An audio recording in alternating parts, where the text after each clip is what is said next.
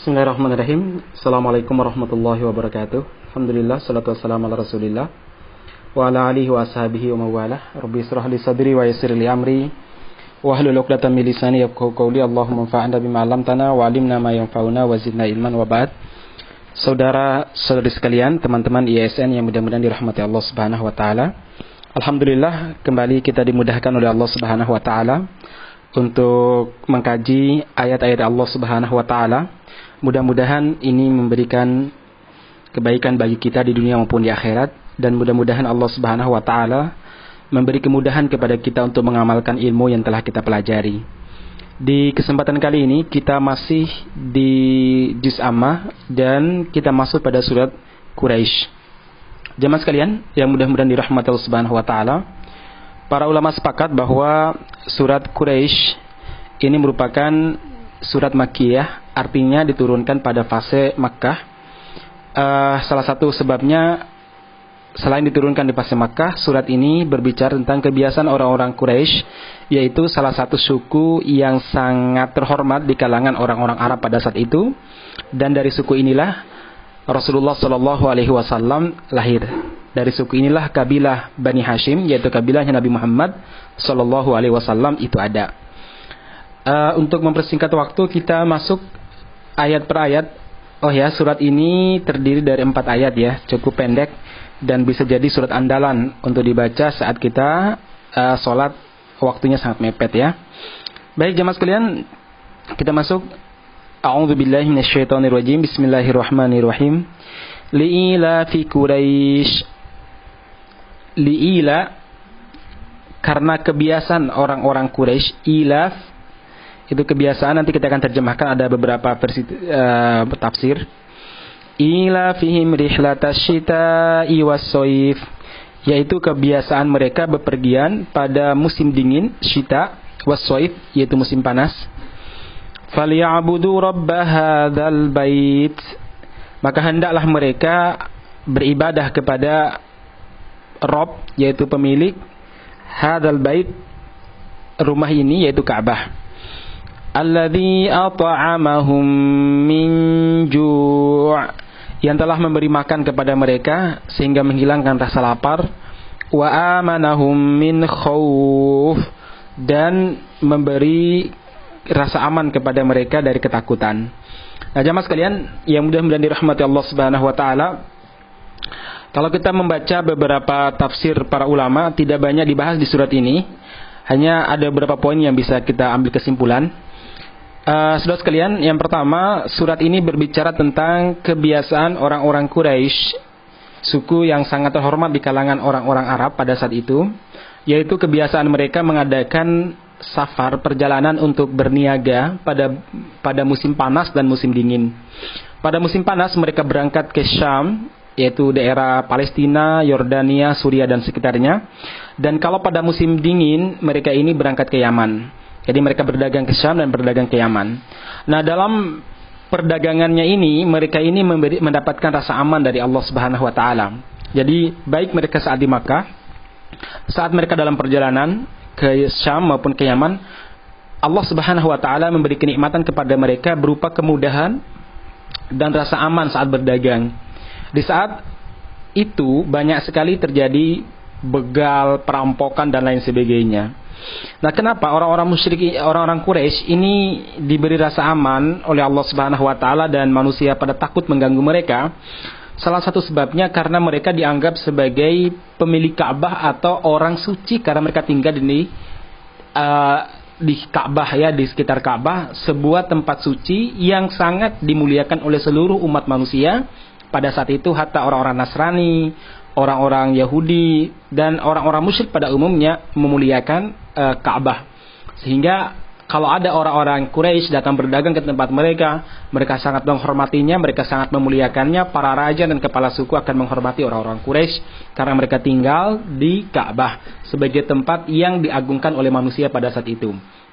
Orang-orang menyebut mereka sebagai apa? Pemilik Ka'bah, penjaga Ka'bah.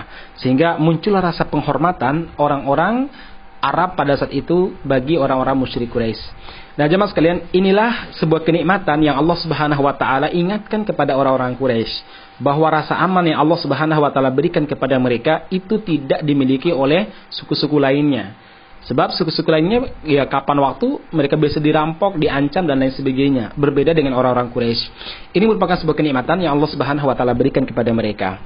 Nah, jemaah sekalian, yang mudah-mudahan dirahmati Allah Subhanahu wa taala, oleh karena itu, karena Allah memberi kenikmatan kepada mereka berupa rasa aman dalam berdagang, kemudahan dalam mencari makan, maisha, Allah Subhanahu wa taala mengatakan falyabudu rabb hadzal bait. Sebagai konsekuensi logisnya seharusnya mereka ini beribadah kepada Allah Subhanahu wa taala yang telah memberikan rasa aman kepada mereka dalam uh, urusan kehidupan mereka.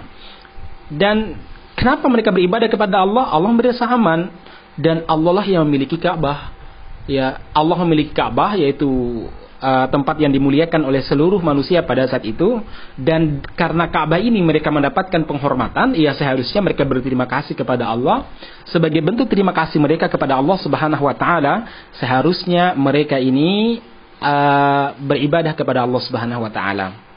Kemudian selain itu Allah Subhanahu wa taala memberikan kenikmatan lain kepada mereka apa itu? Alladzi at'amahum minju. Allah Subhanahu wa taala memberikan rasa kenyang dari rasa lapar mereka. Kemudian kenikmatan ketiga yang Allah Subhanahu wa taala ingatkan bagi orang-orang Quraisy pada saat itu adalah wa amanahum min khauf. Allah Subhanahu wa taala memberikan rasa aman kepada mereka dari rasa takut, berbeda dengan suku-suku lainnya. Mau pergi berdagang saja takutnya luar biasa. Sementara orang-orang Quraisy mendapatkan keamanan di mana pun mereka berada. Nah, jamaah sekalian yang mudah-mudahan dirahmati Allah Subhanahu Wa Taala, ini poin pertama. Poin yang kedua, kita bisa mengambil beberapa pelajaran di sini, di antaranya konsekuensi logis menjadi seorang Muslim. Apa itu? Karena Allah Subhanahu Wa Taala memberikan kenikmatan yang begitu banyak kepada kita semuanya, jamaah sekalian, rasa aman sebagaimana kita, kita sebagai Muslim diberi rasa aman oleh Allah Subhanahu Wa Taala, walaupun di beberapa negara tidak mendapatkan. Kemudian Allah Subhanahu wa taala memberi makan kepada kita. Ini bagian daripada alasan kita kenapa harus beribadah kepada Allah Subhanahu wa taala bukan kepada patung, bukan kepada Yesus, bukan kepada yang lainnya, tetapi kepada Allah Subhanahu wa taala. Maka sungguh sangat celaka dan tidak berterima kasih orang yang diberi makan oleh Allah Subhanahu wa taala, diberi berbagai macam kenikmatan, kesehatan, umur yang panjang, kemudahan dalam mencari rezeki, lalu dia ini menjadikan selain Allah Subhanahu wa taala sebagai sesuatu yang paling dia takutkan, yang paling dia harapkan, yang paling dia muliakan, yang paling dia taat taati. Ini sebuah bentuk kedurhakan kepada Allah Subhanahu wa taala dan tentu saja ini bagian daripada perbuatan yang sangat dimurkai oleh Allah Subhanahu wa taala. Allah memberi rasa makan jemaah sekalian. Allah Subhanahu wa taala memberi apa? Rasa aman. Ini sebuah kenikmatan yang jarang sekali diperhatikan oleh manusia. Padahal orang kalau sudah lapar, dia tidak akan bisa berpikir waras. Sama ketika orang sudah takut, dia tidak bisa berbuat banyak. Sebagaimana kita sekarang terkena wabah yang bernama corona saja, ketakutan luar biasa, kesulitan untuk mencari makan, kesulitan untuk beraktivitas dan lain sebagainya. Nah, masa muslimin yang mudah-mudahan dirahmati Allah Subhanahu wa taala, ini di antara konsekuensi logis daripada kenikmatan yang Allah Subhanahu wa taala berikan kepada kita, maka kita harus beribadah kepada Allah Subhanahu wa taala sebagaimana Allah mengingatkan itu kepada orang-orang musyrik Quraisy pada saat itu. Nah, masa muslimin yang mudah-mudahan dirahmati Allah Subhanahu wa taala, Kemudian ada pelajaran lain yang bisa kita ambil dari uh, surat Quraisy yaitu apa? Jamaah sekalian uh, tentang keutamaan memberi makan. Di mana di surat Al-Maun kemarin kita telah menjelaskan, kita ingatkan lagi di sini Allah Subhanahu wa taala mengingatkan tentang keutamaan memberi makan. Itu apa? At'amahu minju memberi makan kepada orang-orang yang merasa lapar. Makanya masyarakat muslimin yang mudah-mudahan dirahmati Allah Subhanahu wa taala, memberi makan ini bisa memperkuat hubungan antara satu dengan yang lainnya dan bisa menghilangkan rasa gil, rasa benci, rasa bakhil, kemudian rasa saling membenci di antara kita. Makanya jamaah sekalian, dulu kebiasaan para sahabat adalah apa? Di siang hari atau di malam hari, mereka itu terbiasa berdiri di depan pintu masjid sehabis sholat zuhur atau sehabis sholat maghrib atau isya mengajak orang-orang untuk makan di rumah mereka. Kenapa? Karena mereka ingin sekali memberi makan kepada saudara-saudara mereka. Nah, jemaah sekalian, demikian juga ketika Rasulullah Shallallahu Alaihi Wasallam pertama kali sampai di Madinah, ketika beliau hijrah pertama kalinya, Saat itu Rasulullah Shallallahu Alaihi Wasallam masih di atas unta. Beliau menyampaikan beberapa pesan yang menjadi pondasi dasar untuk menegakkan negara Islam Madinah. Apa itu? Di antaranya Rasulullah SAW mengatakan, Ayuhan nas, wahai manusia. Beliau mengatakan, At imut to'am, wahai manusia, berbagilah makanan. Wasussalam, kemudian sebarkanlah salam wasil arham sambunglah silaturahim. Wasallu bil laili wan nasuniyam tadkhul jannata bisalam. Bangunlah pada malam hari di saat manusia sedang tidur untuk melaksanakan tahajud. Niscaya kalian akan masuk surga dengan selamat. Nah Saudara sekalian poin pertama yang disampaikan oleh Nabi adalah apa? Berbagi makanan. Ternyata ini salah satu politik ya. Bagaimana me menundukkan ataupun mengendalikan orang yaitu berbagi makanan. Kita tahu ya ada salah seorang presiden di negeri kita ini yang salah satu politiknya adalah politik makan. Jadi kalau ada orang demo, kalau ada orang mengkritiknya, diajak makan ke istana. Biasanya sehabis makan orang tersebut akan merendah dan terperangkap dalam uh, kendali sang presiden. Nah, jemaah sekalian, inilah salah satu caranya agar kita ini bisa membangun hubungan yang baik dengan siapa pun, dengan tetangga kita, dengan keluarga kita, dengan siapa pun. Itu apa? Kita harus berbagi makanan. Ya, kita harus berbagi makanan. Uh, Rasulullah Shallallahu Alaihi Wasallam pernah mengingatkan tidak halal bagi seorang wanita muslimah yang memasak di rumahnya aromanya sampai di tetangga tetapi dia tidak memberikan apa-apa kepada tetangganya. Jadi tetangganya hanya mendapatkan aromanya saja. Nah ini tidak halal dan tidak baik. Terus yang baik bagaimana? Iya selain aromanya kuah sekaligus isinya di disampaikan kepada tetangganya diberikan kepada tetangganya. Rasulullah SAW juga mengatakan hendaklah kalian kalau masak perbanyak kuahnya, berikan kepada tetangga. Eh bukan sekedar kuahnya tentunya, tetapi juga isinya. Nah ini sekali lagi jemaah sekalian, hari ini yang sudah mulai hilang di tengah masyarakat kita yaitu apa? Berbagi makanan. Dalam konteks zaman dulu saya masih ingat orang-orang dulu suka berbagi makanan dengan rantang ya. Jadi keluarga, tetangga sekitarnya itu dikasih makanan ya sayur ataupun apa dirantang apalagi kalau bulan Ramadan. Dan sebentar lagi kita menjelang bulan Ramadan, ayo kita berbagi makanan. Dan saya sangat support kepada teman-teman ISN yang mengadakan dapur Solo ya atau dapur Ramadan. Ini bagian daripada cara untuk uh, memberi makan kepada saudara-saudara muslim kita. Nah, jemaah sekalian, yang mudah-mudahan dirahmati Allah Subhanahu wa taala. Uh, ada sebuah doa yang menunjukkan keutamaan memberi makan ya. Kalau kita dikasih makan, Rasulullah Shallallahu Alaihi Wasallam mengajarkan kita doa apa? Allahumma at iman atamana waskiman sakona. Ya Allah berikanlah makan kepada orang yang telah memberi kami makan dan berikanlah minuman kepada orang yang memberi kami minum. Masya Allah. Nah jemaah sekalian, yang mudah-mudahan dirahmati Allah Subhanahu Wa Taala masih banyak cerita pada kalangan sahabat kalau kita sebutkan satu persatu bagaimana mereka semangat untuk berbagi makanan. Tetapi karena waktu kita sangat singkat dan tidak bisa rekam panjang-panjang nanti disebab uh, kesulitan untuk mengirimnya. Nah, jamaah sekalian, kemudian yang kedua adalah bagaimana kita bisa memberikan rasa aman kepada saudara muslim.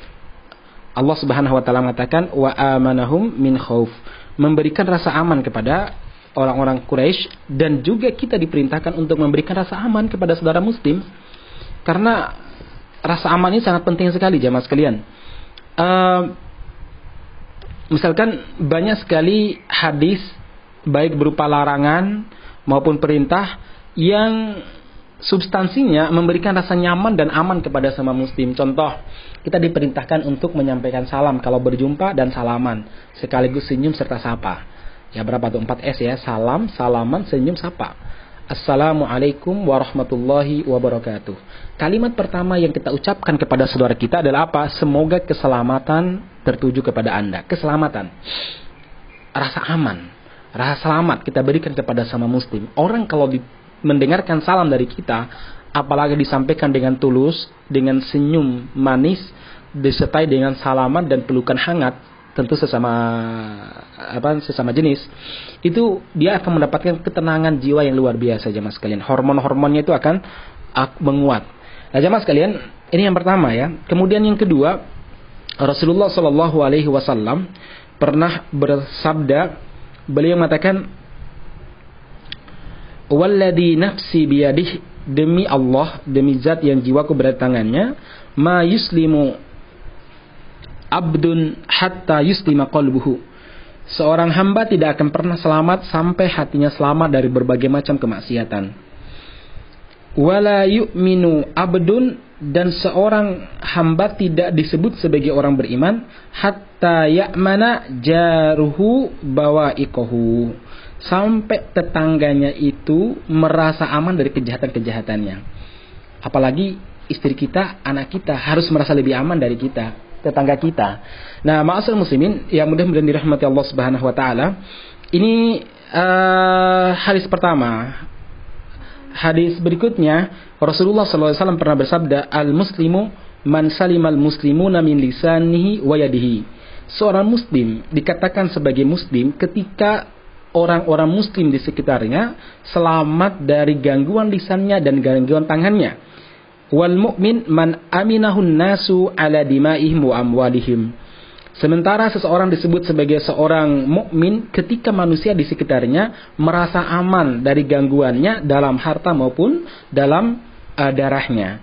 Wal muhajiru man hajaros sayyiat. Sementara seorang muhajir atau orang yang berhijrah adalah orang yang menjauh dari berbagai macam kemaksiatan. Jamaah sekalian, yang mudah-mudahan dirahmati Allah Subhanahu wa taala. Ini di antara pelajaran-pelajaran yang bisa kita ambil dari surat Quraisy. Ya, yang paling penting adalah apa tadi? Terakhir yang pertama adalah kita harus menjadikan Allah Subhanahu wa taala sebagai Rob kita yang kita ibadahi, yang kita berharap kepadanya, kita berdoa kepadanya, tunduk kepadanya, taat kepadanya.